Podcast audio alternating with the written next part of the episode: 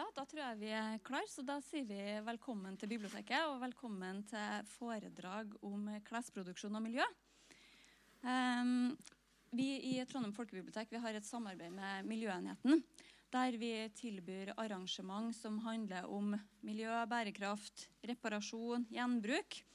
Så Siden april nå, har vi hatt uh, mange verksteder og kurs og foredrag vi har bl.a. hatt foredrag om plastforurensning. Vi har hatt sykkelworkshop. Uh, vi har hatt uh, kurs i hvordan du skal reparere møblene dine.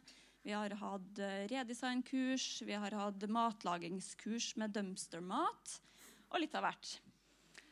men i dag da, så er temaet klesproduksjon og miljø. og vi har fått med oss Ingunn Grimstad Klepp og Tone Tobiasson til å lære oss mer om det. For dere vet jo hvilken dag det er i morgen. I morgen begynner den store kjøpfesten for alvor. Eh, så det er greit å være forberedt. Eh, men før vi begynner, så er det et par sånn praktiske ting. Eh, vi har pakka inn biblioteket, halve biblioteket i plast for tida, for vi driver og skifter sprinkleranlegg. Så toalettene da må dere bruke dem i andre etasjen. Eh, og så er det sånn at Vi har fått oss noe utstyr, eh, podkastutstyr som vi driver og tester ut.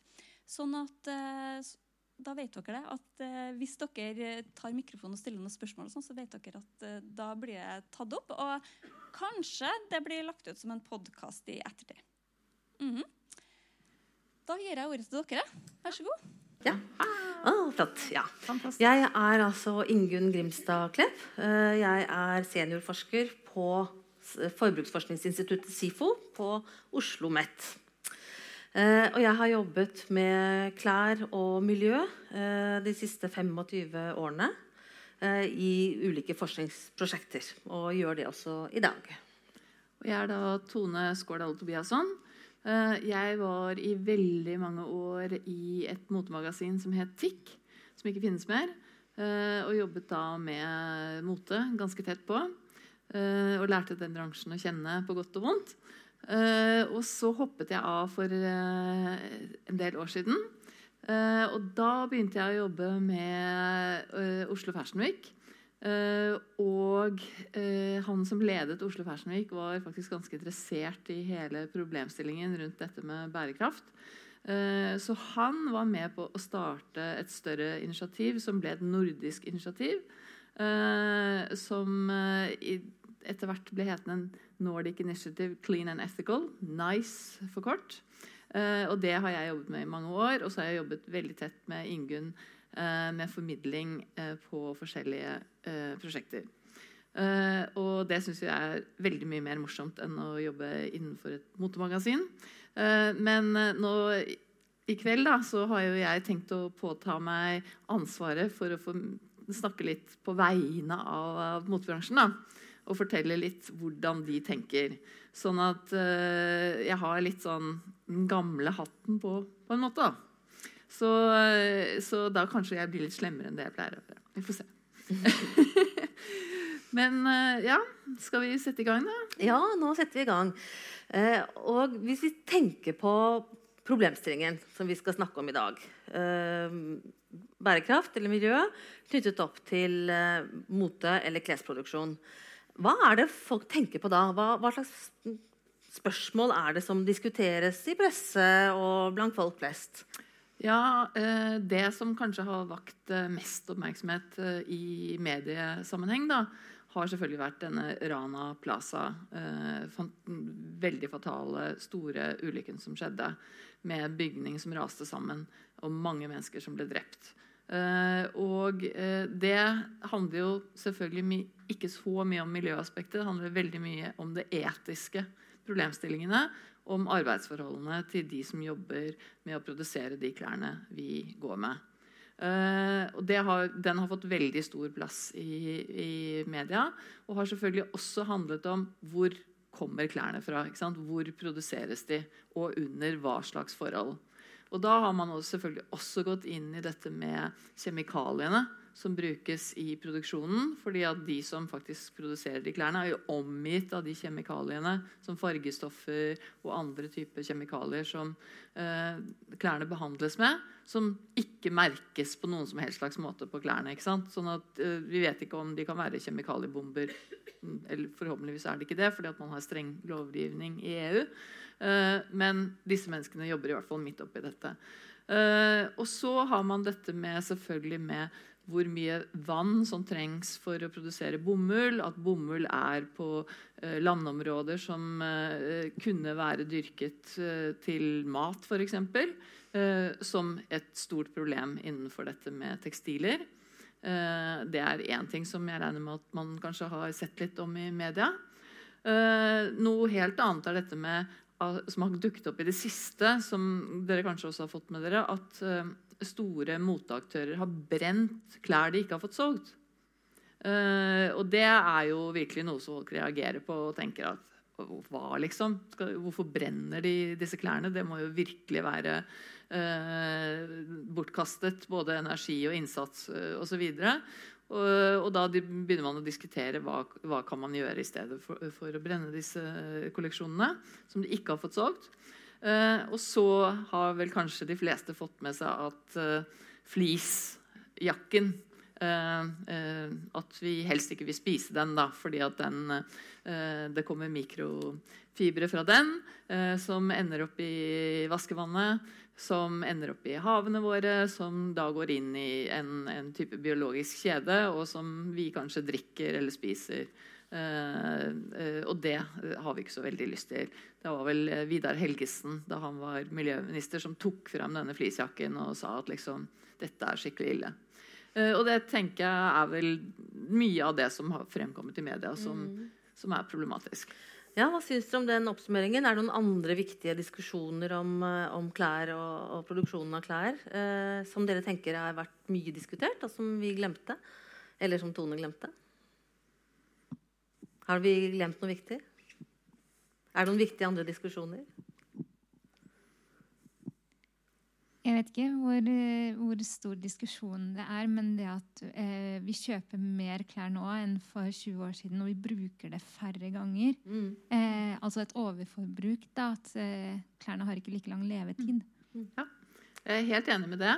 Uh, men vi, vi, er ikke sikre på hvor godt dette egentlig har kommet frem i media. Så det er en av grunnene til at jeg ikke tok det med, men det er et veldig, veldig godt poeng som vi skal komme tilbake til. Mm. Ja, eh, da har vi fått noen av problemene som har vært diskutert på bordet. Eh, og da er det klart at eh, motebransjen de tenker på dette, fordi dette her er jo også et angrep på dem, eller et kritikk av dem. Og da er mitt neste spørsmål til Tone det er da hva gjør bransjen for å møte denne utfordringen? Hva sier de er deres løsning på de problemene som vi nå har snakket om? eller oppsummert? Ja, da har man selvfølgelig veldig mange konferanser hvor man kommer sammen og, og snakker om disse problemene. Eh, og eh, har konstellasjoner etter hvert hvor man diskuterer dette som bransje. Eh, fordi at bransjen har jo ikke noe lyst til å bli tatt med buksa nede og eh, få den kritikken. Eh, det handler jo selvfølgelig om omdømme osv., som er viktig for denne bransjen. De vil jo ikke fremstå som noen skikkelig drittsekker som eh, forurenser jordkloden og gjør skrekkelige ting. Og det har vært utallige konferanser rundt omkring i hele verden. Vi har vært på noen av dem. Jeg har vært på veldig mange av dem eh, som journalist eh, og hørt på mange foredrag om eh, man skal bruke økologisk bomull, om man skal eh, ja, bruke litt mindre kjemikalier, eh, hvordan man skal få til det. Uh, og så har man laget uh, en konstellasjon som kalles Sustainable Apparel Coalition. Uh, som Hense Maurits og Nike og alle de store tekstilorganisasjonene, Marks Spencer, eh, Patagonia osv. er med i. Og de diskuterer og diskuterer og snakker og snakker. eh, og prøver å lage måter man kan måle eh, hvordan man forurenser, hvordan dette kan bli bedre, hvilke tiltak man kan ta. Uh, og de diskuterer og diskuterer. Uh, og da er det to store ting som uh, de da mener er veldig, veldig viktig fremover. Og det ene er å komme opp med bærekraftige materialer. definert som bærekraftige materialer. og jeg tenker det, Ingunn, at du kommer til å mene noe om det om ikke så veldig lenge. men da er det å komme opp med bedre materialer som sådan enn det vi har i dag. Fordi at alle materialene er problematiske. Eh, og så eh, er det resirkulering. Det er det store nå. da skal aktører som, som Fretex og UFF og Røde Kors i andre land Uh, og i samarbeid da, med de store eh, tekstilprodusentene som Hennes og Maurits og Marks Spencer og alle sammen. Da skal man samle inn mest mulig av tøyet vårt, som ikke er i bruk, fortrinnsvis. da, selvfølgelig. Uh, men jeg har hørt en fra Marks Spencer si en gang på en konferanse at, at We have to get those clothes out of the clammy hands of the consumers. Da så jeg for meg liksom at Marks Spencer skulle inn i skapet og hente ut uh, uh, klærne til folk som de egentlig hadde lyst til å fortsette å bruke. Da. Men uh, greit nok. men da vil de ha inn mest mulig av disse tekstilene for å kunne resirkulere dem om til nye klær. selvfølgelig med tanke på at eh, Ja, hva skal vi si At de er jo klar over at vi har en økende befolkning på jordkloden. Eh, at hvis forbruket skal fortsette å stige, så får de et problem med f.eks. tilgangen på bomull. Da. Eh, hvis de landområdene rent teknisk kanskje burde heller bli brukt til mat da, for den stigende befolkningen. Uh, og at, blir, altså at, råvarene også blir dyrere. Ikke sant? Det blir vanskeligere å få tak i råvarer. Uh, og da er det jo selvfølgelig virkelig Colombi-egget å få tak i disse tekstilene og resirkulere dem. Og da er det store, store er å finne opp den metoden som faktisk får de innsamlede materialene til å bli like gode fibre til nye tekstiler. Sånn at for det sånn som skjer per i dag, er jo at det er ned downcycling. Uh, de blir svakere. Uh, så, men de er helt sikre på at den teknologien er rett rundt hjørnet. Og da har vi løst alle problemene. Eller hva sier forskeren? Ja, nå har jeg sittet veldig rolig veldig lenge, dere. Det har dere òg, da. Men uh, jeg har sittet veldig stille. Ja, Vi har altså da to ideer uh, om dette. Uh, resirkulering og nye materialer. og sett fra et forskningsperspektiv så mener vi jo da at begge deler er feil.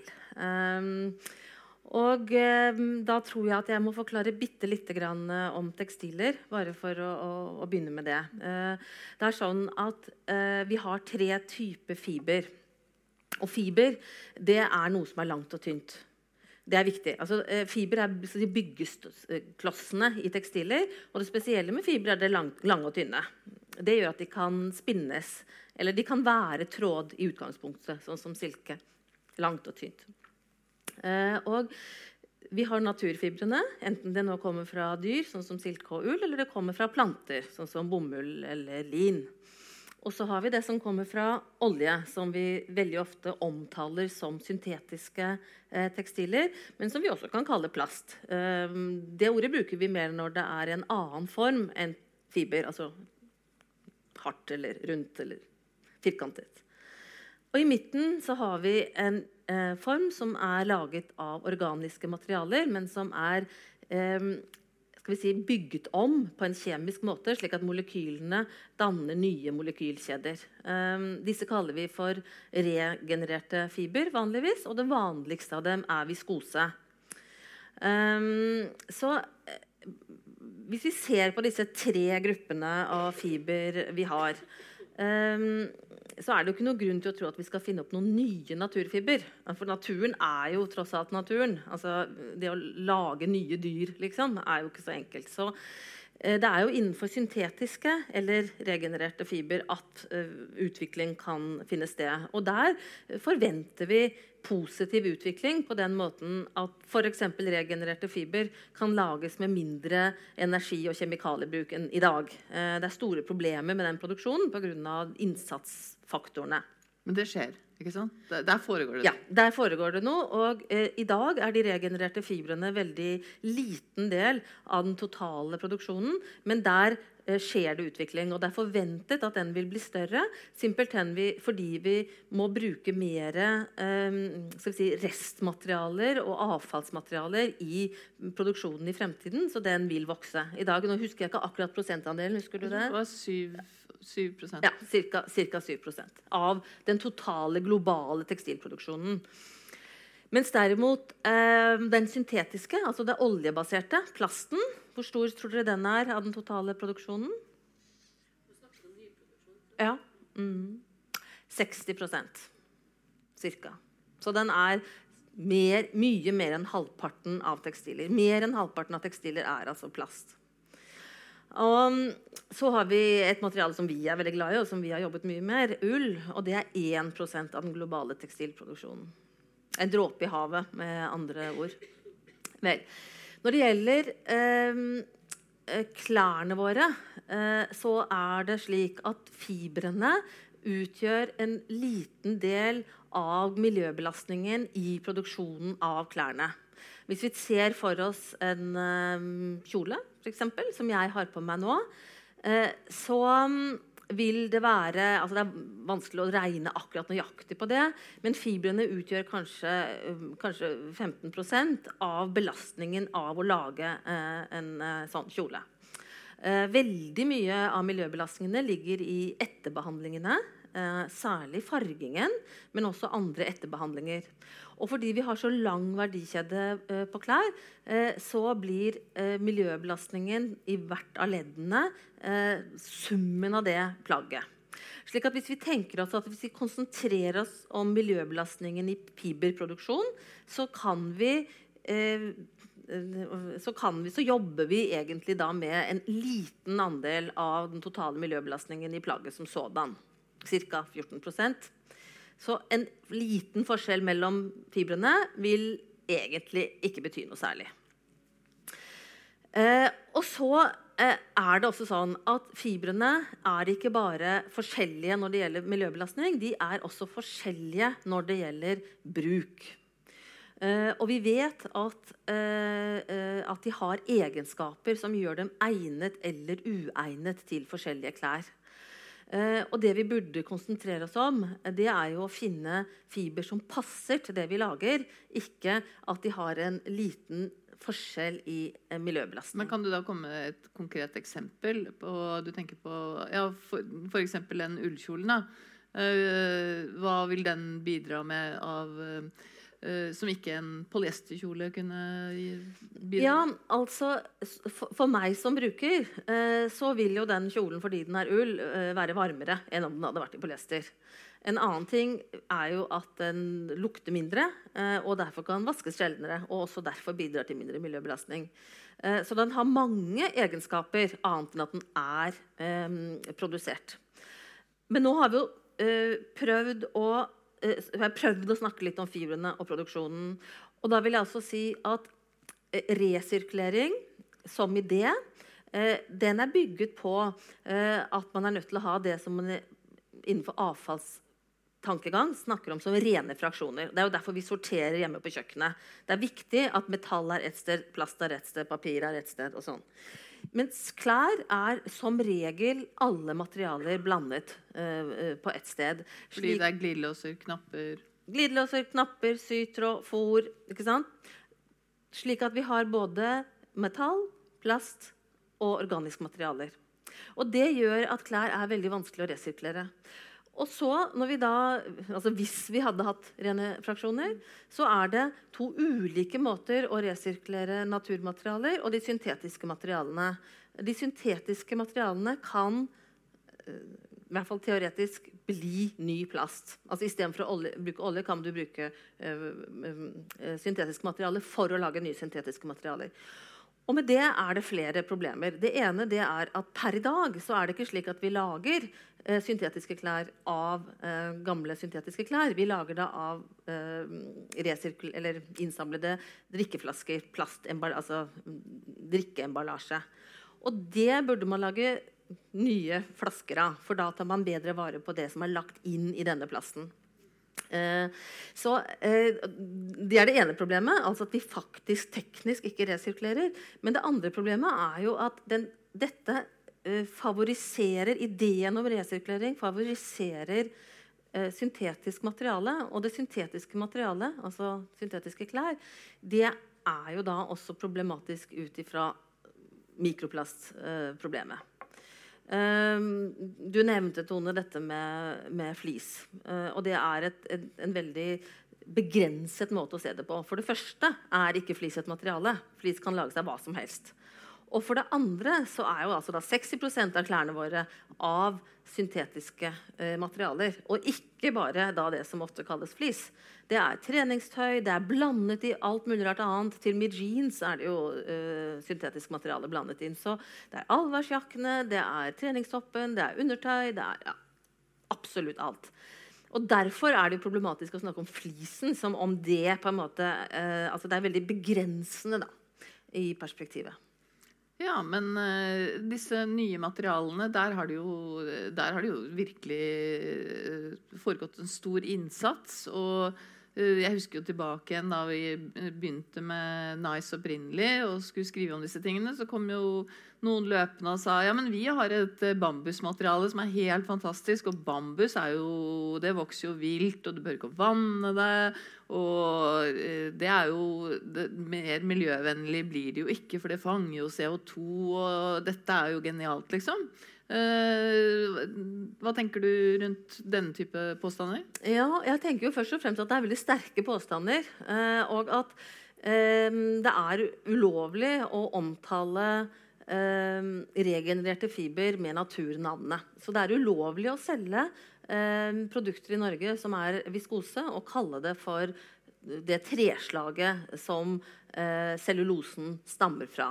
Ja, men Hadde ikke det vært kjempelurt? da? Kunne vi kalt det Norwegian Wood da, hvis vi hadde viskose fra grantrærne våre? Ja, altså det er lurere å kalle det eh, Norwegian Wood enn å kalle det bambus. Eller altså det er lurere å lage klær av Norwegian Wood enn å lage det av bambus. Og Grunnen til det er at helt generelt så er plantasjer og ensidige eh, dyrkningsområder hvor man bare dyrker én plante og ikke har noe annet, det er som regel en dårligere idé miljømessig enn det er å ha naturlige plantesamfunn med ulike eh, planter og dyr sammen. Slik at denne ensidigheten i produksjon, uansett om vi snakker om dyr eller om vi snakker om planter, er negativt. Slik at det er underlig at en si, plantasjebasert treslag skulle være bedre enn naturlige skoger, som vi jo faktisk har nok av. Og det er jo uvanlig å vanne skogen. Altså, jeg mener, hallo, Å si at, eh, at, det er miljøvennlig fordi den ikke vannes. Altså, Hvilken skog i verden vannes? Eh, hallo, liksom. Det er ingen skoger som vannes. Og det er et problem med mye av markedsføringen fra industrien. Det er at de kommer med påstander, sånn som f.eks. At, at, at eh, skogen ikke vannes. Men ingen skog vannes, og da er det jo ikke noe argument. Altså, For at et argument skal være gyldig, så må det jo faktisk være noen eksempler på det motsatte. Og det ser vi i eh, markedsføringen av klær. så ser vi veldig mange eh, eksempler på dette. Eh, og eh, f.eks. også Et annet argument som har vært brukt i forhold til bambus, det er at ja, det er eh, temperaturregulerende. Eh, og i en samtale med markedssjefen i dette firmaet så sier jeg at ja, men, Dette var et spesifikt firma som du hadde en diskusjon med? Ja, ja. Så sier jeg men viskose er jo ikke temperaturregulerende. Og så sier han jo, men alle klær er jo temperaturregulerende. Ja. Det er et fint argument når man selger noe. Mm, ikke sant? Det er klart at eh, forbrukeren vil jo tro at dette er mer eh, temperaturregulerende enn et annet plagg. Ja. Eh, og dette her er sånn som jeg ser det, eh, altfor sterke påstander. fordi det er motsatte. Det er som å si at syltetøyet inneholder ikke arsenikk. Liksom. Ja, fint, De andre syltetøyene gjør jo heller ikke det. Så det er bare tull å si det. Ja. Så det er mye tull med, med dette. Det finnes ikke noe, noe, bambus i klær i Norge. Det er viskose, og den er ikke mer temperaturregulerende enn andre klær. Eh, og det er typisk grønnvasking av eh, viskose. Eh, og vi har sett dette gang på gang. Eh, enten vi nå kalte det for kunstsilke eller uh, celleull eller hva som helst opp gjennom historien. Mm. Men du, du, sa i stad også at, at, det å bruke uh, altså avfallsmateriale da, uh, er noe som tvinger seg fram. At man bruker biprodukter fra annen produksjon Eh, og lager fibre av det. Og vi har eh, Eller eh, materialer. og vi har jo et eksempel her i regionen, i Trondheim, som sitter i salen, som har brukt f.eks. fiskeskinn. og som er jo et biprodukt fra en annen type mm. produksjon. Ja, ja, altså jeg sier at vi trenger utvikling av, på fibersiden. Og jeg tror også at vi trenger å eh, få til bedre produksjonsmåter av de regenererte mm. fibrene. Og at det på sikt helt sikkert kommer til å være lurt. Og særlig da om vi kan bruke avfallsmaterialer fra eh, matproduksjon eller, fra, eller annet avfall. Eh, men eh, det er slett ikke sikkert at det er lurt å bruke mm, eh, tekstilavfall i denne produksjonen. Fordi det er en altfor blandet fraksjon, og fordi det er vanskelig å sortere det. og veldig mye hardt manuelt arbeid som da må gjøres et eller annet sted, som, er, som er, veldig problematisk. Mm. Mm. Men, men bransjen har jo nå bestemt seg for at resirkulering er virkelig det store. Og det er jo en kjempestor uh, Ja, hva skal vi kalle det? Uh, global uh, push mm. for at dette nå skal bli noe som alle firmaer som driver i tekstilbransjen i hele verden, skal undertegne at de skal øke innsamlingen av brukte tekstiler. Eh, og at det skal være det de skal konkret jobbe med i denne situasjonen. Og, og det har vært oppe både i fjor mai og i år mai i København. Eh, med eh, virkelig utfordring til bransjen på å, å bli med på dette. Og vi har jo sett at at det er flere store, virkelig store aktører som, som, da slår seg på brystet og sier ja, dette er vi med på. Eh, og da er vi med på løsningen. Ja, det er problematisk. Eh, å resirkulere naturmaterialer får man svakere fiber. Hvis man resirkulerer ellers, så er det altså snakk om syntetiske klær. Da har vi mikroplastproblematikken som, som vi er nødt til å ta på alvor. Eh, ikke ved å lage flere syntetiske klær, men for å finne ut av hvordan vi kan bruke færre. Uh, og så uh, er det også da et kjempeproblem med hele denne diskusjonen at den handler om en bitte, bitte lite del av miljøbelastningene i tekstilproduksjonen. Og ikke minst så adresserer den ikke det aller viktigste problemet, som du også nevnte i sted, nemlig at det er mengden og hastigheten som er de store, to store problemene som vi må til livs. Vi må altså produsere færre klær, og vi må produsere langsommere. Eh, vi må også bruke langsommere, altså vi må bruke dem lenger. Eh, hvis vi hadde konsentrert om oss, oss, om disse to største problemene, eh, så ville vi fått mindre tekstilavfall. Eh, og altså da hadde, hadde skal vi si, jobbet med forebygging istedenfor eh, symptombehandling. Mm. Men eh, motebransjen som sådan den lever jo av å selge. Det er jo hele businessmodellen til, til motebransjen. Uh, nå har vi jo sett at uh, under tekstilaksjonen uh, for en drøy måned siden osv., så, videre, så satte man jo Altså den norske tekstilaksjonen, da, så satte man jo opp en, et manifest som firmaene skulle undertegne. og der hadde man jo med redusere forbruket. Og da skal man jo f.eks. ha et samarbeid mellom Hennes og Maurits og en reparasjonsbedrift. Sånn at uh, hvis uh, klærne går i stykker, så, så, så, kan man da få de reparert. Og da har man jo løst problemet. Da får man jo ned forbruket. Ja, altså det er, det er nok sånn at det, det er ikke så lett å endre på ting. Men egentlig så er det systemet vi har for klær i dag, altså det som vi ofte kaller fast fashion, eh, et globalt system med veldig veldig høy turnover, veldig veldig billige klær, veldig standardiserte klær, samme klærne over hele verden. Eh, store, store firmaer, veldig få firmaer. Veldig mye penger som havner opp på få hender. Dette systemet er egentlig ganske nytt. Det er siden 1980-tallet at dette har vokst fram, og vokst raskt frem. Um, slik at vi som da er litt uh, eldre, vi har jo faktisk vokst opp i en tid hvor klesproduksjon foregikk på en helt annen måte.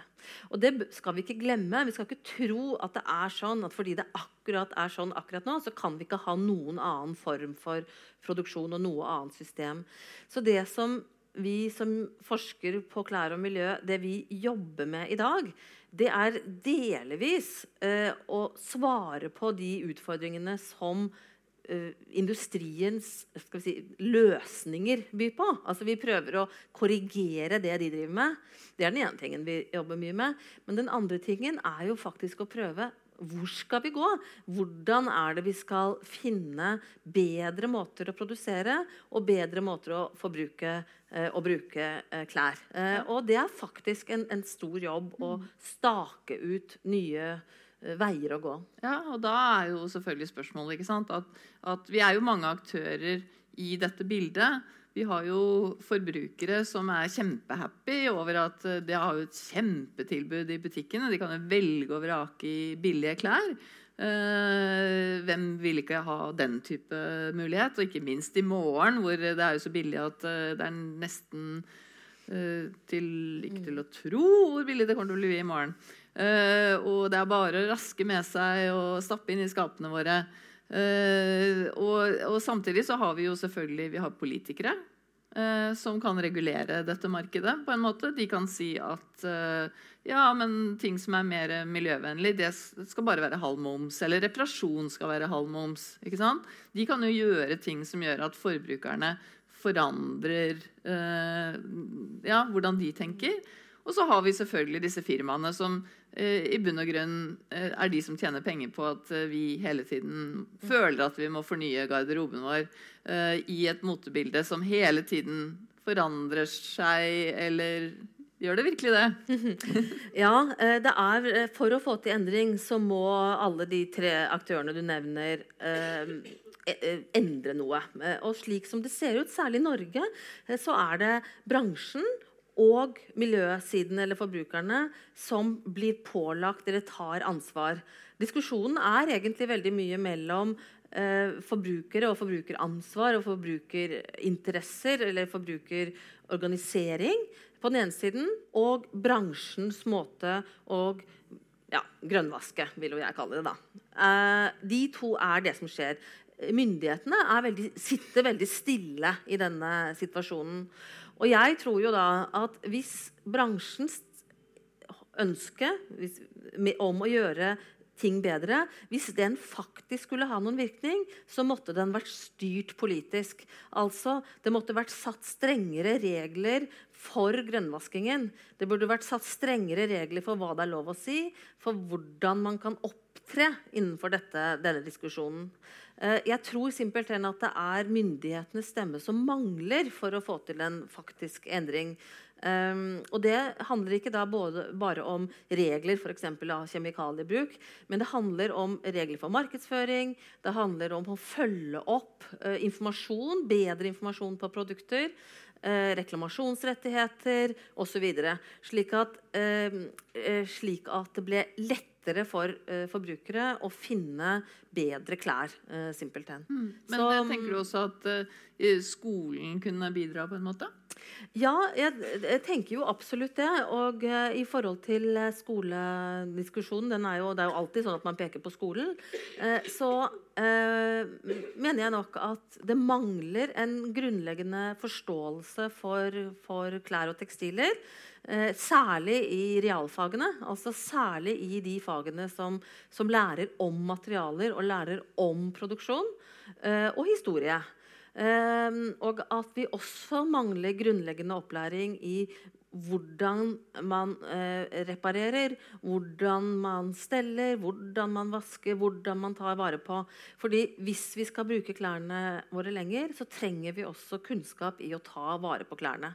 Eh, dette skal ikke jo... de som står i butikken eh, fortelle deg det når du kjøper klærne? Ja, De som står i butikken, er jo veldig ofte unge mennesker med lite uh, utdannelse. Og uh, jeg tror at på samme måte som mat, uh, mat og helsefaget har blitt mer orientert med hvordan lage mat av rester, hvordan utnytte råvarer altså At vi må, vi må på en måte Det grunnleggende kunnskapene må opp. For hvis det skal lønne seg for folk å ha klær lenger, eh, så må de også kunne stelle dem og reparere dem.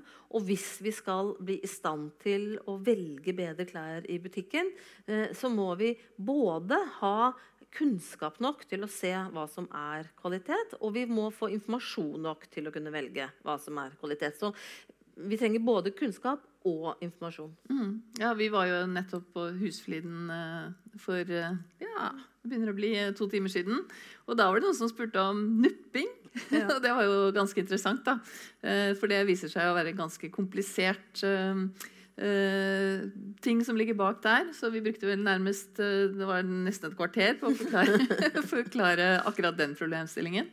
Eh, og det er jo noe som irriterer veldig hvis man kjøper noe som nupper. Og da kan man jo selvfølgelig gå tilbake igjen i butikken og reklamere. Mm, ja, og da vil jo veldig mange butikker si at eh, det er du som er et nuppemenneske. Og det er jo en veldig, veldig kjekk måte å, å på en måte dytte eh, ansvaret tilbake på forbrukere. Mm. Mm. Men eh, jeg vet jo det at i sammenheng med, med dette prosjektet Krus, da, som du leder nå, som er oppkalt etter Krusen i Ullen, eh, og i sammenheng også med en rapport for Nordisk ministerråd, som dessverre endte opp i en skuff eh, og ikke fikk så mange ben å stå på, for å si det sånn så, eh, så, har de jo kommet med ganske konkrete forslag til eh, hva skal vi si, en slags vei videre. da. Mm, ja.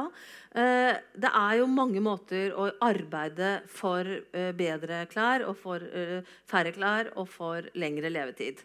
det aller viktigste er selvfølgelig at produktene blir bedre. Og med det mener jeg både at produktene blir teknisk bedre, eh, slik at de har muligheten til å bli gamle, men like viktig at de blir estetisk bedre. Og det er også veldig viktig at de passer til de menneskene som skal bruke dem. At de er fleksible nok i forhold til passform, at de er fleksible nok i forhold til bruksområder. Så det er eh, veldig viktig. Og så ser vi at noe av problemene i industrien i dag er disse store store enhetene. Disse veldig veldig, veldig store bedriftene som produserer likt og i kjempetempo.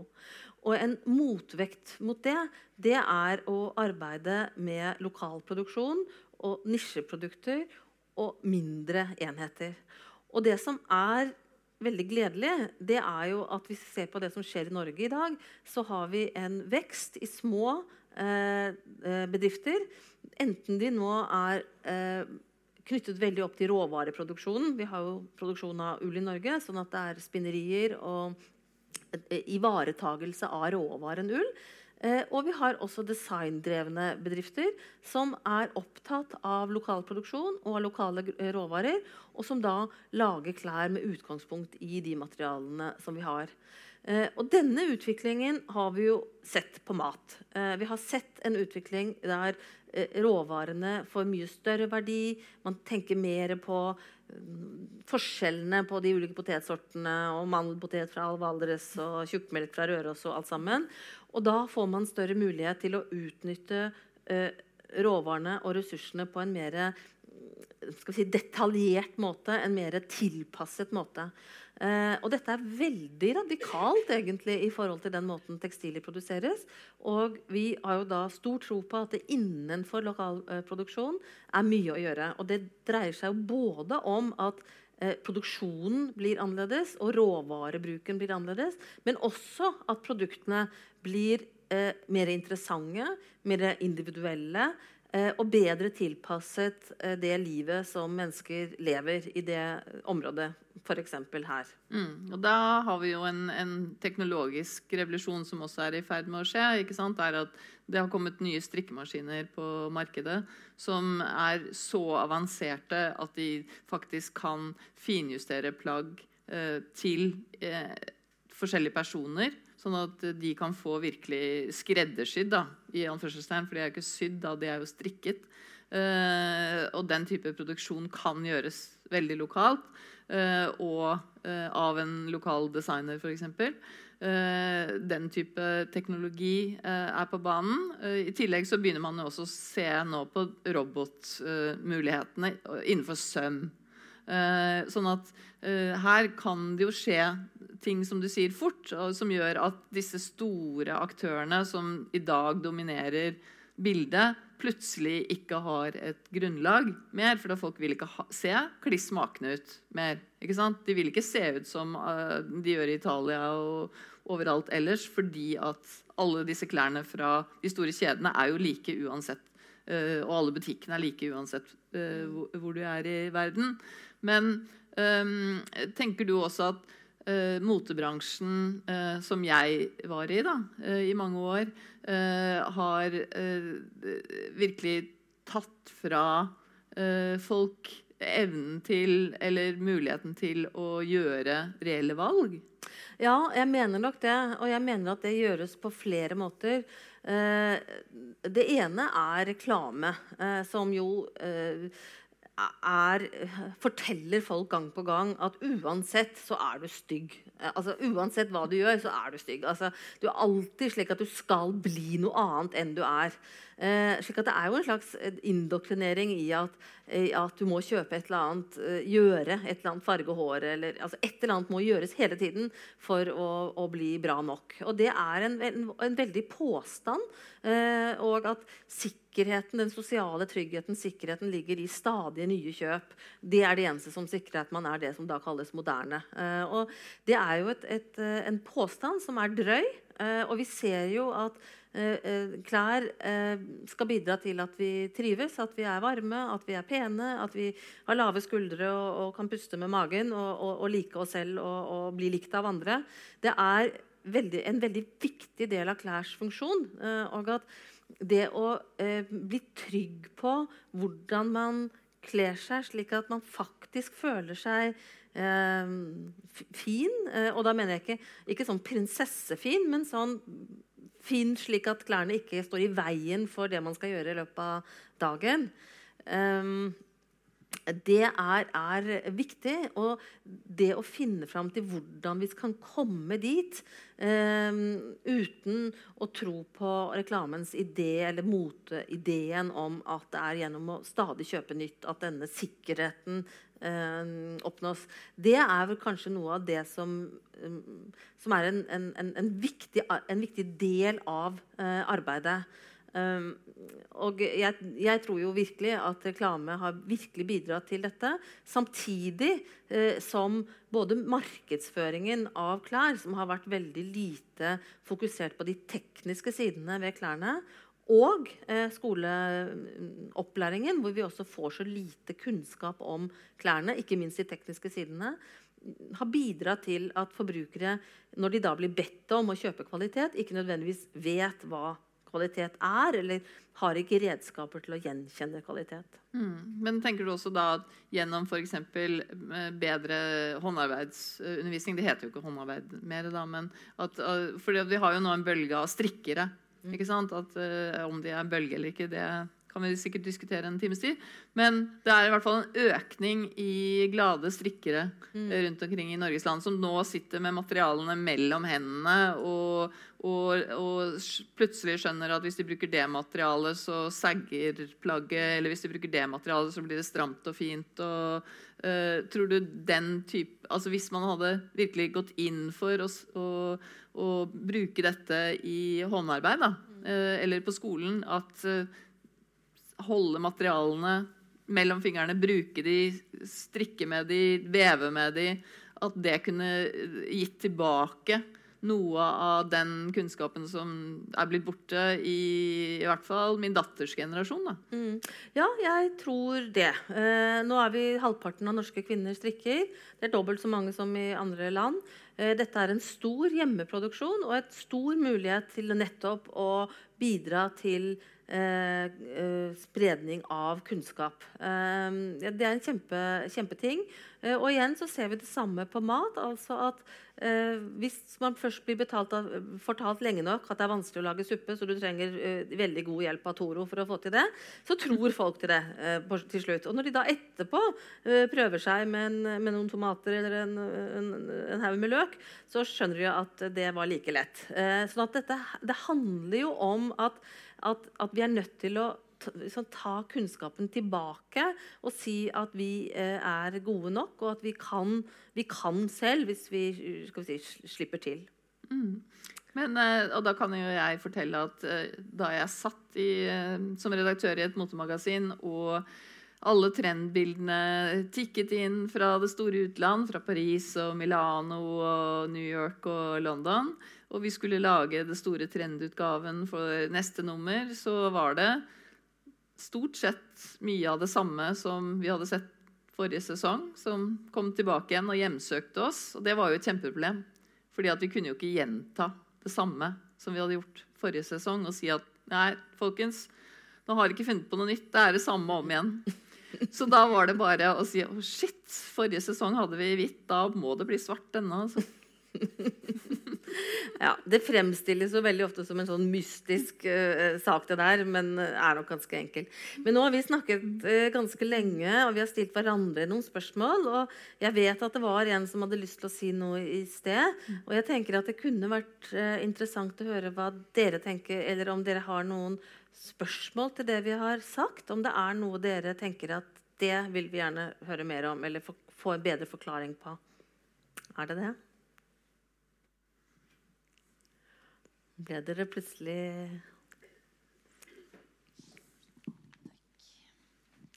um, Ja. Jeg tenkte bare på det dere sa om um, å ta tilbake dem F.eks. ull, sånne uh, fiber Ja.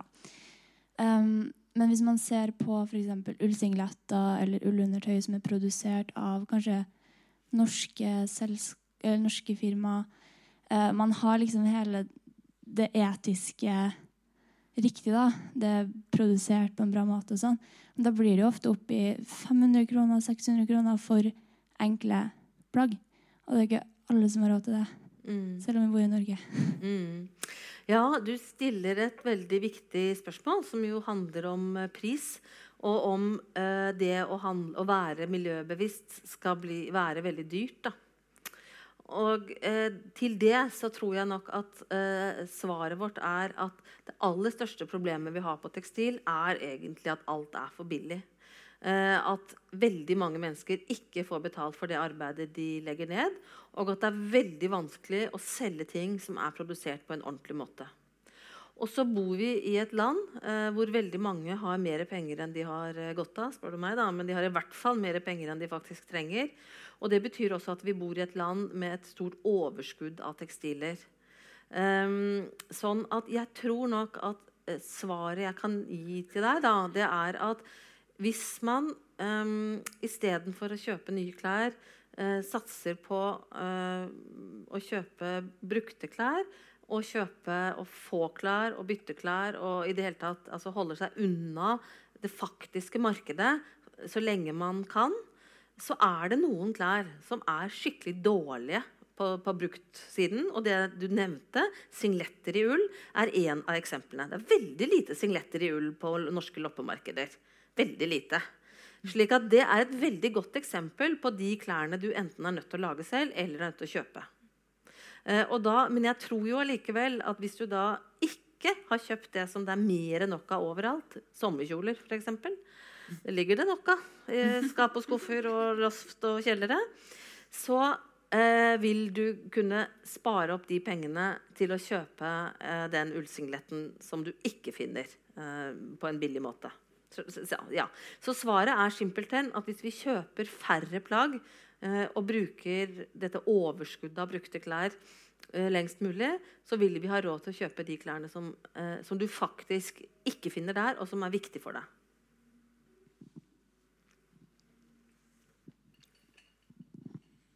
Yes. Uh, først vil jeg faktisk si noe til uh, det spørsmålet som nettopp ble stilt. Uh, vi kommer fra en klesbytting nå i dag eh, på en kafé på Baklandet som vi har en gang i måneden. Så det er en veldig fin måte å få, eh, ja, få nye klær på uten å kjøpe det. Og det er også noe som man kan gjøre på privaten. Det er en veldig sosial greie. Eh, og så vil jeg si noe til det med skole. Fordi jeg er lærer. Mm. Eh, og jeg også blir sånn Å, alltid så peker han på skolen. skolen skal løse alle problemer. Fordi nå har jeg sittet og lest gjennom læringsplanmålene for kunst og håndverk, og også for et valgfag som heter redesign og produksjon. Og der står det faktisk akkurat det som du har pekt på nå, det med bærekraft og det hvordan ting er, eh, hvordan materialet er bygd opp, og det å kjenne til det historiske. Alt det står i læreplanene. Så det er kanskje snakk om hvordan skal lærerne få formidla det. Mm. For det er veldig sånn Det er en veldig enkel løsning. Og på en måte at politikerne sier det her må skolen lære ungene, og så skriver de inn i en læreplan. Men så går det ikke nødvendigvis lenger enn det. da. Mm. Nei, fordi har, lærebøkene er ikke der. Ja, lærebøkene er ikke der, ressursene er ikke der. Mm. Eh, og en kunst- og håndverkslærer skal gjennom veldig mange forskjellige ting. Ofte så går det litt på utdannelsen av uh, kunst- og håndverkslæreren også. Det er ikke alltid de lærer alt de skal lære bort. Mm. Så det er Ja, vi bare får sagt det. At ja, jeg skjønner. Ja. Tusen takk for det. Eh, og mm. jeg tror du absolutt har et kjempepoeng her. Mm. Uh, jeg tror også det er viktig å tenke at, at norsk skole er veldig mye forskjellig. fordi det er tross alt også veldig opp til den enkelte læreren og de ressursene som fins mm. på skolen. Eh, og det er jo også lett å si, men altså, eh, biblioteket her har laget en liten utstilling av bøker om det temaet som vi snakker om i dag. Mm. Eh, og nå vet ikke jeg hva dere syns, men jeg syns at her er det veldig mye som mangler. Ikke sant? Det er, ganske magert, og det er en del som er litt foreldet, og det er det aller viktigste mangler. Ikke sant? Og den læreboken som skulle den formingslæreren kunst- og håndverkslæreren skulle bruke i dette faget, er jo ikke eh, skrevet. Så, mm, så det, jeg føler absolutt at vi, at vi, har gjort for lite, og det er jo et ansvar som, ja, som eh, vi to eh, eh, føler litt på. Nå har vi skrevet to bøker på, tre bøker på to år, og de står der. En metodebok som er til bruk i å, å studere eh, klær, som er veldig viktig for den diskusjonen vi har nå. Og en om norsk gull og de forskjellige rasene og råvarene, og gjennom strikkehistorie, som jo også er viktig for å gi klærne eh, verdi gjennom å gi dem eh, å kjenne til historien vår. Men den boken som lærerne kanskje aller mest trenger, er jo en god bok som kobler tekstil- og materiallære opp imot eh, dagens eh, si, situasjon, og med reparasjon og stell og de si, grunnleggende ferdighetene som, som trengs å læres. da. Så det, vi skal skrive det opp i listen over to do. ja. Det blir eh, kanskje neste boken etter den neste boken. ja.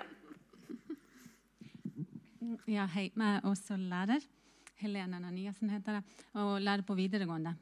Videregående voldsomt teoribasert, eller veldig lite av det med å reparere. Og, og ikke minst jeg vet selv også altfor lite om de stoffene, om fibrene.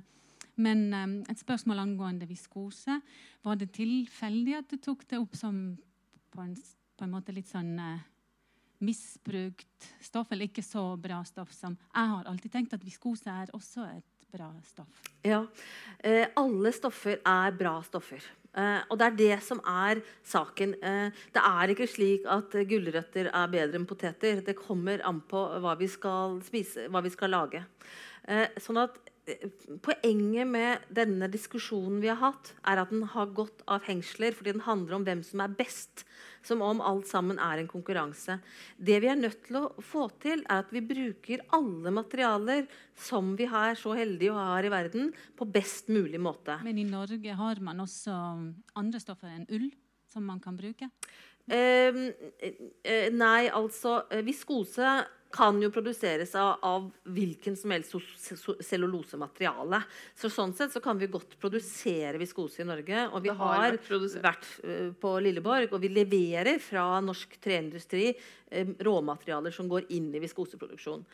Men de materialene vi har i Norge som egner seg til uh, tekstilproduksjon direkte, da, ikke gjennom en viskoseprosess, det er jo først og fremst ull. Eh, og dyr fra andre, eh, fra andre, ull fra andre dyr. Og så er det da eh, nisjeting, sånn som f.eks. fiskeskinn, eller sånn som f.eks. Eh, ja, vi, vi, kan jo produsere lin, og vi kan produsere hamp. Det er ulovlig, men altså, vi kunne jo ha gjort det. da. Eller brennesle. Eller brennesle. Så vi har jo muligheter for andre plantefiberproduksjon. Eh, men i i realiteten så, så, skjer det jo ikke. Det er kun ull ja. som, som Og så har vi skinn, selvfølgelig. Og der er jo norske skinn veldig veldig bra. da. Mm. Så vi har jo noe produksjon til, til tekstil. Mm. To spørsmål. Um, det første du sier at det er, altså fibrene det er bare 15 ikke sant? Mm. Så, da, så, så, sånn sett, så, om det kommer fra det ene eller det andre, det er det viktigste som jeg fikk fra ditt budskap. Ja. egentlig, sant? For Det er derfor det gjør det så utrolig vanskelig. Hele diskusjonen blir så vanskelig. fordi at hva vi velger av utgangspunkt, da. Det har ikke så stor betydning. Mm. Stemmer det, eller? Ja, det stemmer. Mm. Og det er jo da slik at hvis du tenker deg Eh, hvis du tenker deg eh, at eh, den faktoren du faktisk altså Hvis du sammenligner et plagg i én fiber med en plagg i en annen fiber, så er jo 15% av plaggets miljøbelastning det er bare, det er toppen av det du kan få til ved forskjell på de to plaggene. Uh, teoretisk. Men den ene kan jo ikke være null. sånn at uh, det blir jo mindre i, virkeligheten. Mens derimot, hvis du tenker på bruksfasen da, som, det, uh, som en annen aspekt, så er det slik at veldig mye av de klærne som blir solgt i morgen, de kommer til å bli brukt én gang, kanskje ingen ganger. 18% av de klærne som går ut av bruk av norske kvinners klesskap, har aldri vært brukt. Altså, eh, hvis vi tenker på at denne, hvis vi sier at det er én gang da, Mye av det som blir brukt i morgen, blir brukt én gang. Hvis vi da tenker at noen av de klærne som dere har hjemme i skapet deres eh, Har noen uh, en ullgenser fra 50-tallet, f.eks.? Har det noen av dere som har det? Ja, fint. Hvor mange ganger tror dere den genseren har vært brukt? Ja, Det er et seriøst spørsmål. Ti ganger siden 1950-tallet? Nei, kom igjen da, folkens. La oss si at den har vært brukt 600 ganger, da. Ja, ok, 600 ganger. Forskjellen på én gang og 600 ganger Skjønner du? Når du skal fordele altså, Når du skal fordele miljøbelastning. Det er 600 ganger forskjell. Ser, ser du hva jeg mener? Ja. Altså, hvis vi hadde arbeidet med å forlenge klærs levetid, så kunne vi ha gjort forskjell på faktorer som er kjempehøye. Ja. Man kan gå fra 1 til 2 til 10 til 30 til 100 til 1000. Eh, helt, eh, og hvis industrien hadde gått inn og tenkt hvordan skal vi lage jeans som ikke holder 1 12 års intens bruk, men som holder 10 12 års intens bruk Hvis de hadde stilt seg det spørsmålet, eh, så hadde de også klart å løse det. Det er et teknisk løsbart spørsmål, på samme måte som det er mulig å arbeide med å finne ut en eller annen måte å separere metall fra, uh, fra tekstil gjennom et system som ikke er oppfunnet ennå, men som noen tenker vi skal kunne oppfinne. Vi kan dra til månen uh, hvis man tror man har noe å gjøre der. men denne løsningen har et potensial til miljøreduksjon i belastning som er så mye større enn det uh, ulike fiber kan gi. Ja. Det andre spørsmålet som jeg syns er veldig viktig, for, altså, utenom det med forbruk. Da. Mm. Det er jo det at uh, klesindustrien er jo egentlig et feudalvesen i seg sjøl. Et godt, gammeldags feudalvesen. Mm. Og, det, og det Jeg skjønner ikke helt hvordan man skal klare å løse det. Altså, utgangspunktet så er det jo virkelig noen som lever under kummerlige forhold her. Altså, som produserer billige klær for oss. Mm. Og hvordan man skal komme det til ja, Komme bort fra det, det skjønner jeg ikke. Nei, det er et stort uh, spørsmål. Men det er vel slik at, uh, at det vi har snakket om, uh, lokal produksjon og en større grad av Om ikke at alt skal foregå i Norge, men at mer foregår nærmere oss, også gjør at vi har større kontroll med verdikjedene og, og større kontroll med, med, med, med, hva som skjer, og hvordan arbeidsforholdene er. Mm. Eh, for det er for eksempel at det er en del som bringer produksjonen tilbake igjen, ikke nødvendigvis til Norge, da, men til Europa for å få et bedre overoppsyn med det. For da er det lettere å dra og besøke fabrikken og faktisk se hva som foregår. Uh, og da er det jo kanskje også fabrikker som ikke kan håndtere så store volumer, sånn at volumene også går ned. Men fordi at det er nærmere markedet, så behøver du ikke å produsere så store volumer. Fordi at uh, du behøver ikke å bestille så store volumer, for hvis du faktisk trenger mer av den kolleksjonen, så kan du etterbestille det. Ikke sant? Istedenfor at du må ta høyde for at ja, kanskje jeg selger 100 000 av den T-skjorten. Da må jeg bestille 120 000 for sikkerhets skyld, liksom. Eh, mens da bestiller de kanskje 50 000. Da, og så hvis den faktisk selger bra, så kan de etterbestille. Sånn at du får en helt annen struktur i måten man, eh, man gjør det på. da.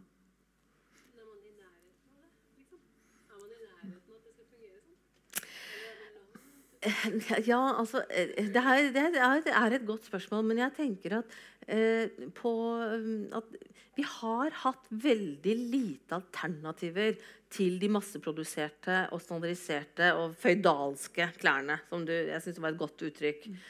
Eh, men det er positivt å se at, eh, at, den lokale produksjonen vokser, og at det eh, Både interessen for byttesystemer på forskjellige måter, salg av brukte klær og uformell sirkulering av klær og lokalproduksjon. Begge disse eh, tingene er i vekst, og også hjemmeproduksjon. Strikking er jo en hjemmeproduksjon av klær.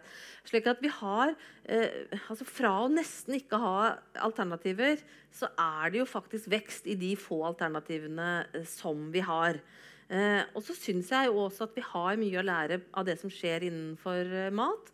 Vi har andelslandbruk, vi har Bondens marked. Vi har, uh, vi har uh, hatt støtteordninger og en politisk oppmerksomhet rundt å finne, uh, finne alternativer til en veldig skal vi si, monokultur, monokultur omsetningssystem for mat.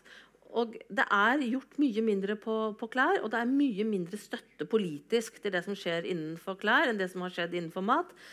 Eh, men vi er jo i hvert fall eh, i stand til å lære av noe av det som har skjedd der. Eh, og, og, og på de områdene som vi, som vi, har, så er det vekst og interesse, slik at, at det er po positive ting å se. Da. Og en av de positive tingene som skjer, er jo at interessen for brukte klær og det som ofte kalles for redesign, den forteller én viktig ting, og det er jo at gamle klær kan være vel så fine som nye klær. Og det er viktig. Det er ikke så viktig med den redesignen, for det er så få som gjør det. Og dessuten blir det jo ofte mislykket fordi at kunnskapen er for dårlig. Det er mye viktigere å bruke de klærne som de er. Um, og da må man skjønne at de har en verdi. Um, og det bidrar den interessen for redesign til å, å, å vise, da.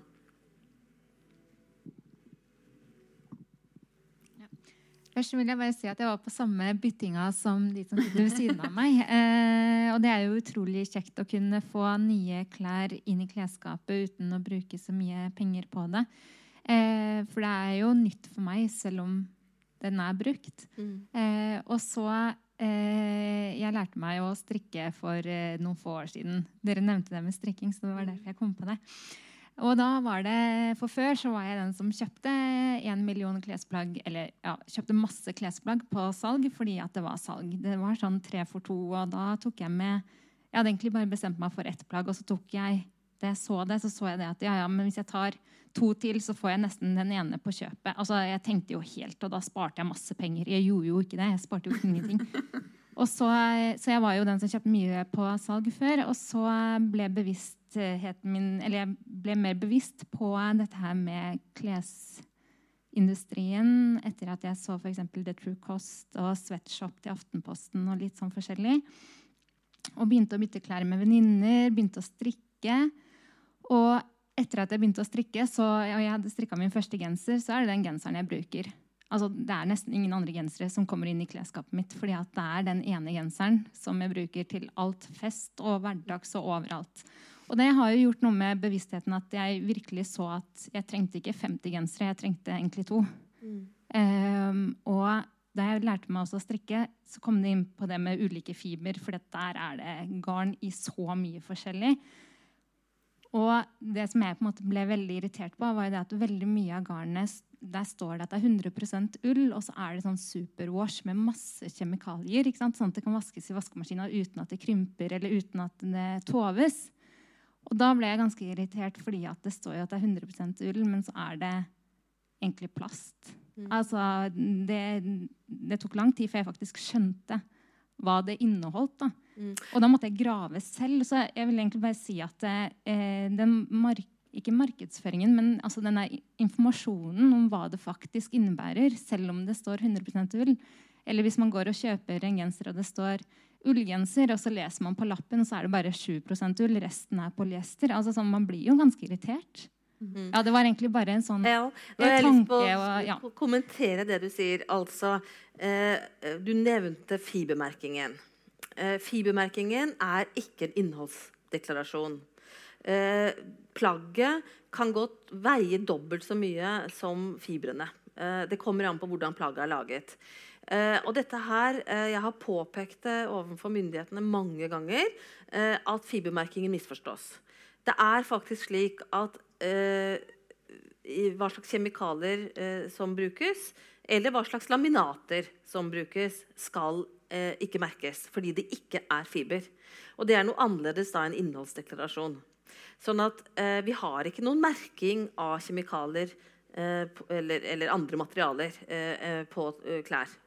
Og Derfor så er det ikke 100% av plagget, men det er 100% av fibrene som skal være ull. Og det er det. Så det er riktig at de er 100 ull, selv om det er superwash.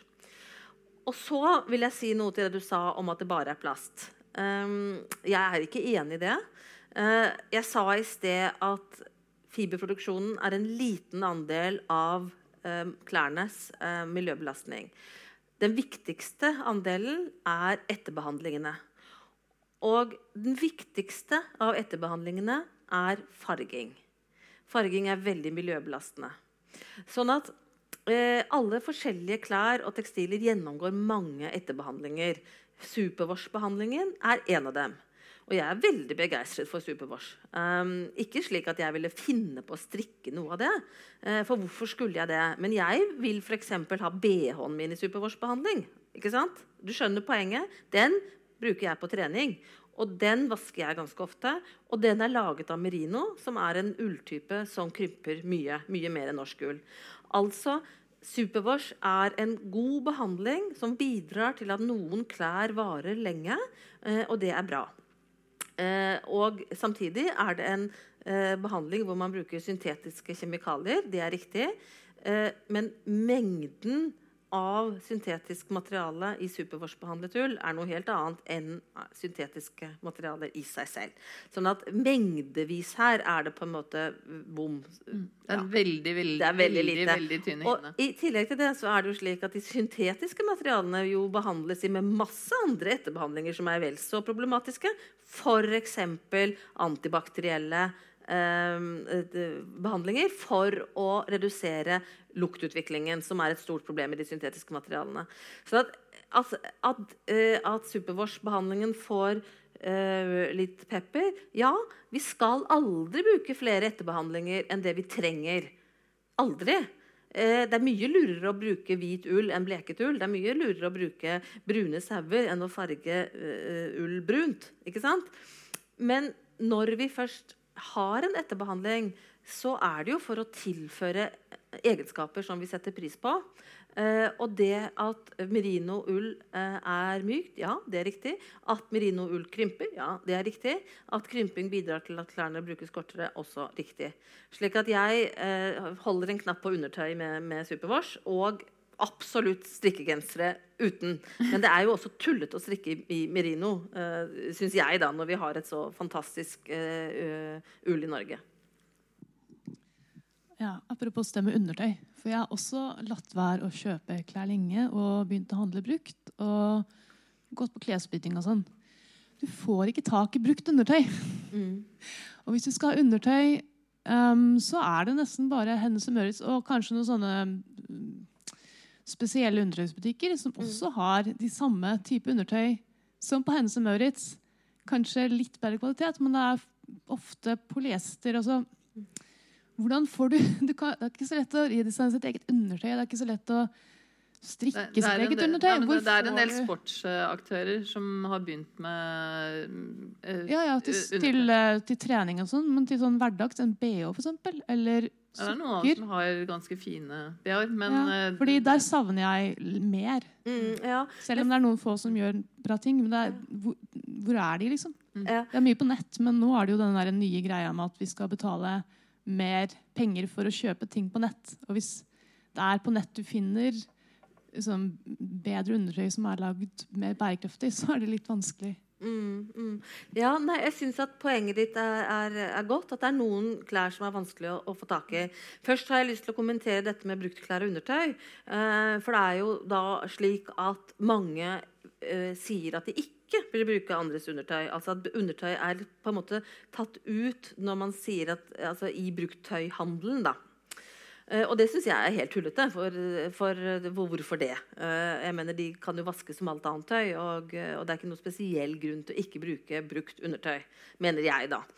Um, men, uh, men, det med kvalitet er jeg også helt enig i. Det er veldig mye dårlige klær, mye dårlige materialer. Og markedet for f.eks. Uh, Um, ull er uh, lite og er best på nett, akkurat som du sier. Og jeg tror også at uh, ullundertøyet, uansett om vi snakker om voksne eller barn, er, er det mindre av i bruktsirkuleringen.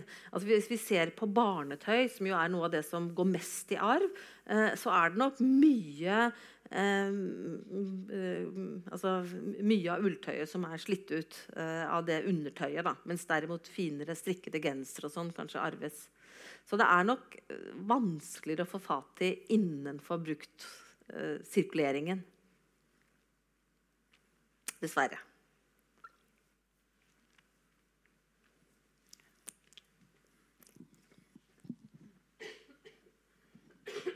Jeg syns det var veldig eh, flott det dere sa om at vi savner politikernes stemme.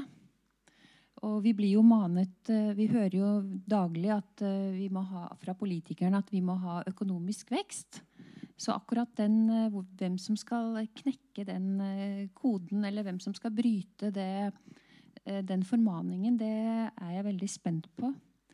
Men eh, jeg synes også, og, og, det med forbrukeratferd, det også er veldig interessant. Og vi ser jo her at det er veldig mange overvekt av unge mennesker. Og det inntrykket har jeg også hatt, at det er unge mennesker som bryr seg mer om klær og miljø. Så lurer jeg på, forsker dere noe på forbrukeratferd og uh, kjøpemønstre og slike ting? Ja, jeg er jo forbruksforsker, så jeg gjør jo ikke annet. da. Så det er jo jobben min å, å forske på forbruk. Eh, og eh, vi jobber med, eh, med, mange sider av klesforbruket. Vi med, har jobbet veldig mye med avhending, om hvorfor vi avhender klær. Vi har jobbet veldig mye nå i den senere tiden med, med, også med, med levetiden, altså hvor lenge klær brukes. Og vi har jobbet mye med klesvask, som er en veldig viktig del av forbruket av klær. Eh, også en viktig del av miljøbelastningene fra forbruket av klær. Mm, og akkurat for tiden så har vi eh, eh, prosjekter eh, for den internasjonale eh, industrien. Eh, vi jobber veldig mye med levetid fordi at det som Tone nevnte i sted, om SAK, som jo da er industriens måte å løse eller arbeide fellesskap for å løse miljøutfordringer. de har bestemt veldig mye rart uh, med mine øyne, men også med ullindustriens øyne. Fordi de har satset så hardt på uh, resirkulering, så har de også sagt at det er resirkulert polyester som er det mest miljøvennlige materialet vi har. Uh, og det er klart at det er veldig problematisk å se på det. og vi på SIFO har da prosjekter for å vise at de regnestykkene som ligger bak dette, de har utelatt bruksfasen, altså forbrukernes eh, bruk av klær, i regnestykket. Og dermed så sammenligner man engangsprodukter med produkter som brukes 1000 ganger, og sier at de belaster miljøet like mye i produksjon. Det stemmer jo ikke, for det er ikke eh, det er ikke riktig å måle lite maling, men malt vegg i en, i en analyse av miljøbelastning. Så det har vi bidratt, og vi skal jobbe videre med det nå. Eh, og eh, spesielt med tanke på dette med levetid. Og da jobber vi i det jobben vi skal gjøre til neste år, så skal vi ikke se på norske forbrukere. i det hele tatt. Vi skal se på de store markedene internasjonalt. Eh, det arbeidet vi har gjort på dette, som da ser på bruksfasen av klær, så har vi sett både på mikroplast og på, på de andre elementene i Eh, eh, miljøbelastning knyttet opp til forbruk og, og forbrukernes eh, praksiser. Da. Globalt, altså ikke bare nasjonalt. Så ja, vi jobber med det.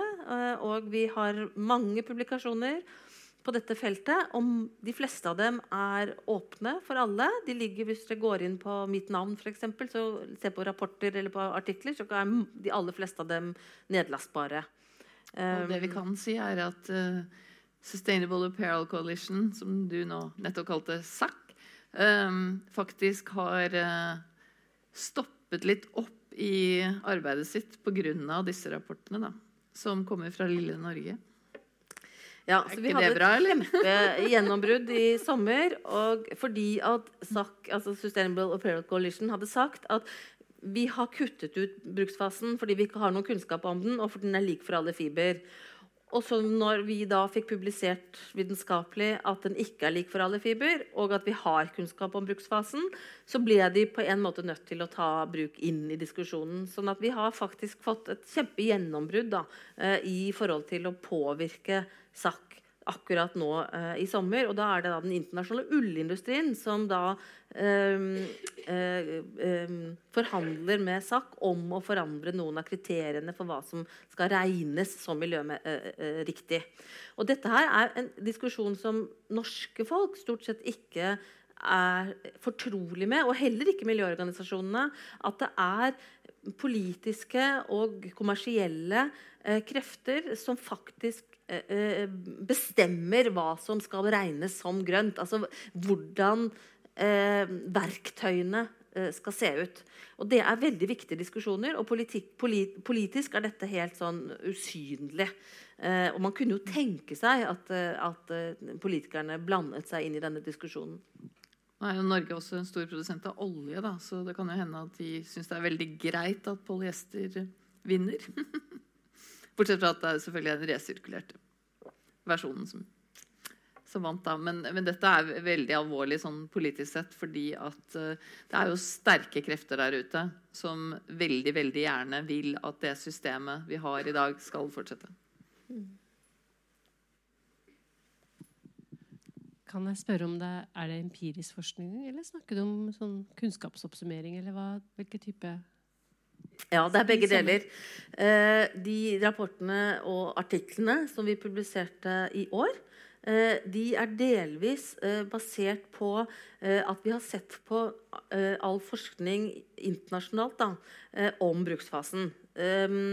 Og det er jo da empirisk forskning som vi oppsummerer. Men det vi har gjort, er jo å regne det om til sammenlignbare enheter, slik at vi kan bruke ulike studier fra hele verden. Eh, og I tillegg til det så har vi utviklet metoder for å studere det vi kaller garderober. Eh, og de metodene de er da tatt i bruk for å skaffe ny empirisk kunnskap. Og det vi skal gjøre til neste år, det er empiriske studier i da de store markedene Kina, Japan, Tyskland, USA.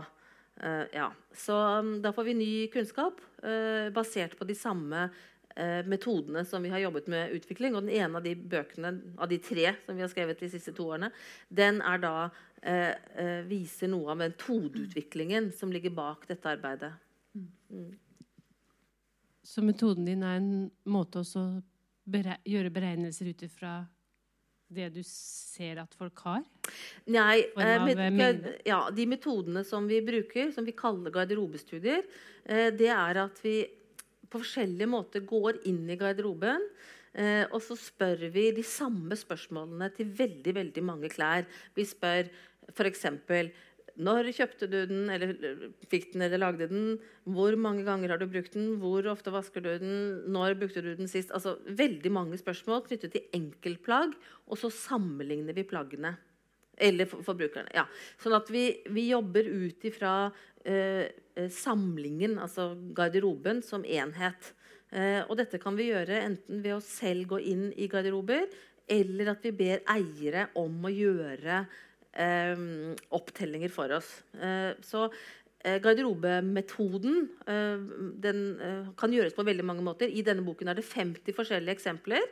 Eh, på hvordan dette kan gjøres. Og det er mange av disse metodene som er ganske velegnet til skoleklasser. for man kan finne altså, Som ideer på oppgaver som elever kan jobbe med. For det å bruke garderoben som utgangspunkt for å forstå mer om klær, er egentlig en god, god idé. F.eks.: Hva blir ikke brukt og allikevel ikke kastet? Hvorfor er det der da? Altså, det er masse spørsmål som det går an å eh, stille. Men fordi vi gjør det så mange ganger, spør de samme spørsmål til veldig mange klesplagg, så kan vi begynne å sammenligne. Og det vi finner da, er jo f.eks. at eh, Eh, undertøy av ull vaskes eh, Treningstøy av ull vaskes sjeldnere enn treningstøy av syntetisk, eller at bomullsgenseren vaskes sjeldnere enn ullgenseren. Og så kan vi derifra regne motsatt vei. Eh, hvor mye miljøbelastning er det da for å holde de ulike klærne rene? Ja. Og vi kan se på alder, vi kan se på bruksfrekvens osv. Um, mm. Regner med at du spør eieren og ikke klesplagget? For det hørtes ut som du spør klesplagget. Ja, vi stiller Men, spørsmål til brukerne om klesplaggene. Mm. Hvordan rekrutterer du uh, informanter ja, i sånn sammenheng? Eh, ja, det kommer an på hvilket prosjekt vi jobber innenfor. Eh, vi har gjort dette i mange prosjekter her i Norge. Um, og da har det vært forskjellig hva vi har sett på. Vi har jobbet med sportsutstyr, vi har jobbet med avhending av klær, vi har jobbet med ull, vi har jobbet med ulike prosjekter. Eh, det vi jobber med nå, som er for den internasjonale ullindustrien, eh, da er det et internasjonalt eh, firma, største i verden, som heter Nilsen, som har ansvar for rekrutteringen og gjennomføring av studien. Og det er jo fordi at vi eh, ikke snakker kinesisk. Og, og, altså de har jo si, systemer for dette. Men hvordan de faktisk får folk til å fylle ut og gjøre dette, det tar noen timer. da å gjøre det. Eh, det kommer veldig Det vet jeg ikke hva de gjør for å få det til. Eh, simpelthen. Så vi får materiale, men det er ikke vi som Altså, vi har laget mye av spørsmålene, har, eh, og det er vi som skal publisere og analysere. Men det er ikke vi som gjennomfører den empiriske studien. Så det blir veldig spennende. Hmm? Hvilken svarprosent har du på den? Sånn? I min sammenheng så er svarprosenten viktig. Du spør en viss mengde mennesker, og hvem som svarer er veldig viktig. Mm hvilken svarprosent snakker man om i en sånn sammenheng? Eh, den studien er jo ikke gjennomført ennå, så jeg vet jo ikke hvilken svarprosent vi kommer til å få. Nei. Men når det gjelder Eh, det vet jeg ikke. Jeg, jeg vet ikke ennå. For, for, det er jo ikke jeg som skal gjennomføre den empiriske undersøkelsen.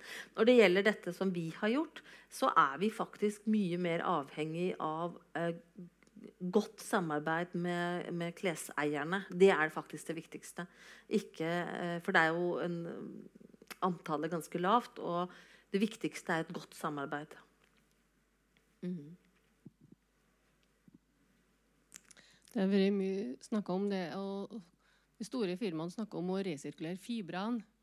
Men vi vet jo at det samles jo inn veldig mye klær som blir sendt ut i verden. Mm. Eh, vet vi nå hvor det blir av dem? For jeg vet jo En del land har jo sagt at de vil ikke ta imot bruktklær mm. fra Vesten, for det ødelegger markedene. Og Mange har jo tatt til orde for at det, vi sender plast over grensene, og det havner på en fylling ned i elv eller noe sånt. Mm. Mm. Vet vi hvordan, eh, hvordan de blir brukt, hvordan livsløpet etterpå, om de kanskje blir brukt 600 ganger til? Mm. Ja, altså både ja og nei. Vi vet veldig mye om hvilke land bruktklær selges til. Eh, det er det god oversikt over. Men, men, vi har liten kunnskap om bruken av de brukte klærne i mottakerlandet. Eh, det har vi mindre kunnskap om. Eh, og det er jo selvfølgelig mulig å tenke på dette som et føydalt system. Altså vi skal bruke klærne litt, og de skal slite dem ut, for det gidder vi ikke. Eh, det er én måte å tenke rundt dette, men det er jo også mulig å ta opp den diskusjonen du tar. altså I og med at 60% av klærne er plast, så er det jo et spørsmål om er det lurt da å sende det til land uten altså uten ordentlig avfallshåndtering. Da vil jo alt bli mikroplast til slutt.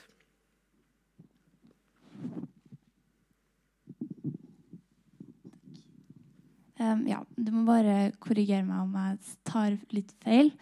Um, men ut ifra det jeg har forstått, så er det sånn at de vestlige firmaene som har på en måte størst omsetning, uh, har en så stor økonomisk makt at de har fabrikkene sine i et jerngrep. Altså de kan presse ned lønna så mye som mulig. og eh, arbeiderne har på en måte ingen mulighet til å kunne diskutere egne eh, arbeidsvilkår og egen lønn og sånn. Og jeg føler at bare for at jeg ikke handler fra de butikkene som praktiserer det her, jeg føler ikke at det gjør noe spesielt for de, arbeid, eh, de arbeiderne. Eh, så jeg lurer på hvordan man kan påvirke det eh, på en annen måte enn å bare ikke handle derfra. Mm. Altså Den etiske siden er, eh, den er jo veldig komplisert. fordi at På den ene siden så vil man jo uh, si at for å bygge opp Eller når man bygger opp en industri i et uh, veldig fattig land, så, så, løfter man folk ut av fattigdom. ikke sant?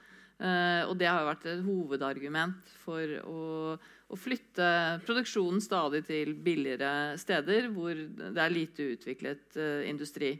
Uh, og rent reelt så har man jo selvfølgelig løftet mange mange mennesker ut av fattigdom. Uh, som har kanskje gjort det mulig for uh, disse menneskene igjen å gi sine barn en utdannelse osv. Uh, og, og sånn sett så har jo fattigdommen på verdensbasis gått ned. Men noe av problemstillingen her er jo at eh, de som har produksjonen på andre siden av verden, eier jo ikke sine fabrikker. Ikke de kjøper jo en tjeneste og så og så mye produkter av en fabrikk.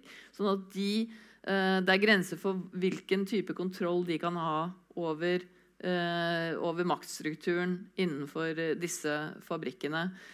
og I tillegg så er jo dette land som ikke har vår tilnærming til demokrati til demokrati på arbeidsplassen osv. Så sånn at hvis vi durer inn der og, og snakker om uh, demokrati på arbeidsplassen, så ser de på oss med trillrunde øyne og lurer på om det har rabla helt for oss. liksom. Uh, så, så, dette er jo noe som f.eks. Initiativ for etisk handel jobber mye med. For uh, har systemer for norske bedrifter hvor de skal gå gjennom forskjellige steg eh, når det gjelder håndtering av arbeid med bedrifter i disse landene. Eh, i, I hvilken grad det fungerer eller ikke fungerer, det er vanskelig å si når man er på utsiden, for dette er jo interne rapporter som, eh, som de eh, holder på med. Eh, eh, når det gjelder F.eks. Hennes og Maurits, så vet vi at de har, de har laget systemer hvor de premierer bedrifter som som gjør ting uh, som vi syns er bra når det gjelder f.eks. dette med diskriminering på arbeidsplassen osv. Så, videre, så plukker de ut uh, stjernebedrifter og sier at de skal de jobbe mye med, og de skal de støtte opp og osv. Men så er det alle de andre bedriftene som man ikke vet. Så igjen så kommer vi jo tilbake igjen til at dette skjer så langt unna at det er veldig veldig vanskelig å, å ha en forståelse av det, en oversikt over det. Uh, og vi er i land hvor korrupsjon er høyst vanlig. Altså det er eh, slik man driver business. Uh, det er ikke gjort i en håndvending å forandre på det. Så man har gått inn i dette med at man skal produsere på langt rimeligere land, hvor arbeidskraften tjener mye mindre. basert på at man, man, har hatt mellommenn som har tjent gode penger på dette. Men det bygger jo også på et system som vi tror er nødt til å falle, ramle sammen på et eller annet tidspunkt. Fordi at hver gang du har en lav lønning, du har en lav pris på en råvare, så hver gang dette da går videre til neste ledd, så bruker du et gangesystem. Du bruker ikke et plussystem. Vil si at hvis du begynner med en lønning som er kanskje bare dobbelt så høy, så har du altså doblet den innsatsen neste ledd du går.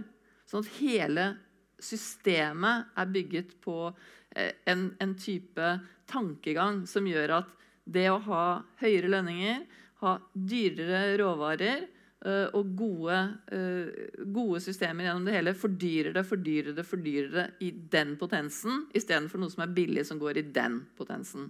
Skjønner du? Sånn at uh, hele dette systemet er, er, altså det er bygget på dette systemet, så spørsmålet er kan man bare vrake det og så tenke at la oss, la oss tenke helt nytt. Mm. Ja. Så Det er det ene. Men Det er jo også sånn at, eh, at uh, oppmerksomheten politisk, eller miljøpolitisk i hvert fall, da, har vært rettet mot nettopp det siste leddet mm. før oss, hvis du skjønner. Eh, mens derimot de leddene som er før, f.eks. bomullsproduksjonen, eh, er veldig lite fokusert. Og det er fordi at det er mye vanskeligere å spore tilbake til den enkelte bedriften. Fordi at råvarene selges ofte på børser og er helt anonyme. Eh, så Det er det ene. Og det andre da, det er at snak nå snakker vi om enkeltbedrifter og de menneskene som jobber der. Men eh, klima og miljø og plastproblematikken er jo ikke bare et, eh, et, lokalt problem, det er også et globalt problem. Og det vi vet om disse globale problemene, er jo at stort sett er det i fattige områder av verden de først og sterkest kommer til å merke det, og hvor de har minst muligheter til å møte endringene. Og Derfor så er det kanskje slik at den enkelte fabrikken og den enkelte skal vi si, eh, altså etikken er veldig knyttet opp til eh, endringer på i enkeltfabrikker. Og er, altså, vi er alle mot barnearbeid og luselønn og, og farlige eh, fabrikker og sånn. Men det kan faktisk også hende at det aller viktigste vi kan gjøre for alle, er å, å bidra til at klimaet ikke endres, at miljøgiftene ikke spres. Ikke Fordi disse tingene faktisk går utover livsgrunnlag og helse for alle mennesker, da, og verst for de fattige. Så Det er jo en annen måte å tenke at etikken må tas inn i de store spørsmålene, og ikke bare de lokale uh, spørsmålene. Eh, jeg, jeg, uttrykte meg litt feil i stad, for jeg mente ikke forbrukervaner. eller jeg, Det jeg mente, det var kjøpe, ja. kjøpemønstre. Okay. Fordi jeg opplever at i diskusjoner så er det veldig mange som uh, har et uh, fornuftig forhold til bærekraftig mote eller miljøvennlig produksjon og materialer. Men i det øyeblikket man skal gå og handle, så er det litt glemt. Det er, da er det litt uh, vanskeligere å, å, huske på det. Mm. Er det gjort noe forskning på disse tingene? Ja, altså egentlig er det slik at uh, i hvert fall vi her i Norge har jobbet mindre med innkjøp enn vi f.eks. har jobbet med avhending. Og det skulle vi gjerne ha gjort noe med. Uh, fordi vi er egentlig litt interessert i at, eh, å få bedre kunnskap om det. Og det er veldig vanlig at når noe er eh, moralsk problematisk, da finner man på å peke på unge jenter. Det har det alltid vært. Altså, uansett om det er miljø eller seksualmoral. eller hva det er. Alltid unge jenter som får skylda for alt. Sånn at Det er en sånn gammel tradisjon, men det er ikke noe dokumentasjon om at det stemmer. Sånn at øh, jeg øh, tenker at vi Eh, skulle gjerne ha visst mer om innkjøpsvaner.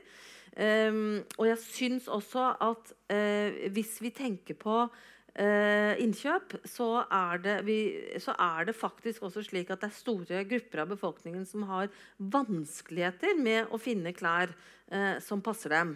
Um, og at Eh, og at det er lett å si at man skal finne ting når det ikke finnes et marked for de tingene som faktisk passer. Og dette handler jo både om størrelser, det handler om eh, alder, det handler om, om, kropper som ikke passer inn i, i mm, produksjonssystemenes bilder av hvordan en kropp eh, ser ut mm, osv. Så videre. sånn at vi har jo masse problemer med folk som faktisk ikke finner klær på markedet. Så jeg Um, skulle gjerne ha, ha, visst mer. Vi har for nå nettopp jobbet litt med en del sykdommer og sett på dem som forbrukere av uh, klær. Og det er jo helt åpent at masse mennesker som ikke kan prøve klær uh, av uh, forskjellige årsaker. Og da er det vanskelig å finne ting som passer. Så, um, så jeg tenker at ja, nei, vi skulle gjort mye mer på innkjøp. og jeg har, min, har, en mistanke om at det ikke alltid er unge jenter som er verst når det gjelder når det gjelder moral. ja.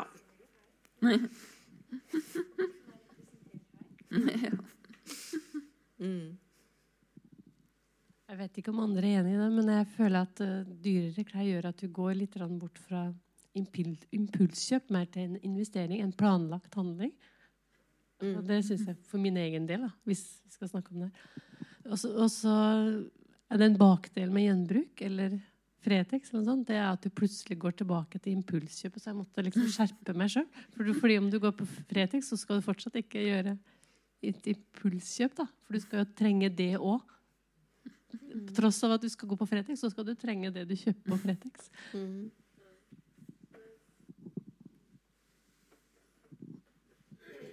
Ja. Eh, nå tror jeg det er noen som er litt eh, begynner å lure på om vi skal runde av snart. er det et siste ja. Er det noen som har et siste spørsmål? Eller kan jeg få det? um, jeg lurte på um, Jeg har sikkert lest det en gang, men hvor mye koster et klesplagg i dag sammenligna med for 20 år siden? Ja, um, det spørsmålet er jo avhengig av uh, hvordan du, uh, altså om hva du skal sammenligne med. Da. For det er jo noe med hva du får for pengene. Uh, klærne har jo blitt faktisk billigere. Altså, de, mange klær koster i kroner mindre enn det de kostet i kroner før. Mm. sånn at her, altså, Fra å være noe en, av si, investeringsobjekter, så bruker vi i dag um, historisk lite andel av våre inntekter på klær. Eh, så at, at, det er en, altså, jeg, jeg, har ikke noen kroner i tall i hodet som jeg kan gi deg, eh, men det er eh, oppsiktsvekkende reduksjon. Og samtidig så har vi hatt en eksplosjon i antallet klær. Og særlig siden 1980 eh, så har andelen, altså antallet klær i garderoben vokst eksplosivt. Um, det kan kanskje virke som vi nå er i ferd med å, å, å, slakke av på veksten i antallet klær. Og jeg håper jo inderlig det. Eh, store garderober er jo morsomt for oss som er glad i klær, men de er også ganske uhåndterbare på mange måter. Mm. Tusen takk for eh, veldig lærerik og interessant eh, samtale. Skal vi gi en liten applaus? Klappe litt for dere òg. Tusen takk for at dere kom. Det var jo veldig mange spørsmål og innspill, så det gjør det jo enda mer interessant. Så tusen takk til dere. Så får dere en fortsatt fin kveld og en fin dag i morgen. Vel hjem.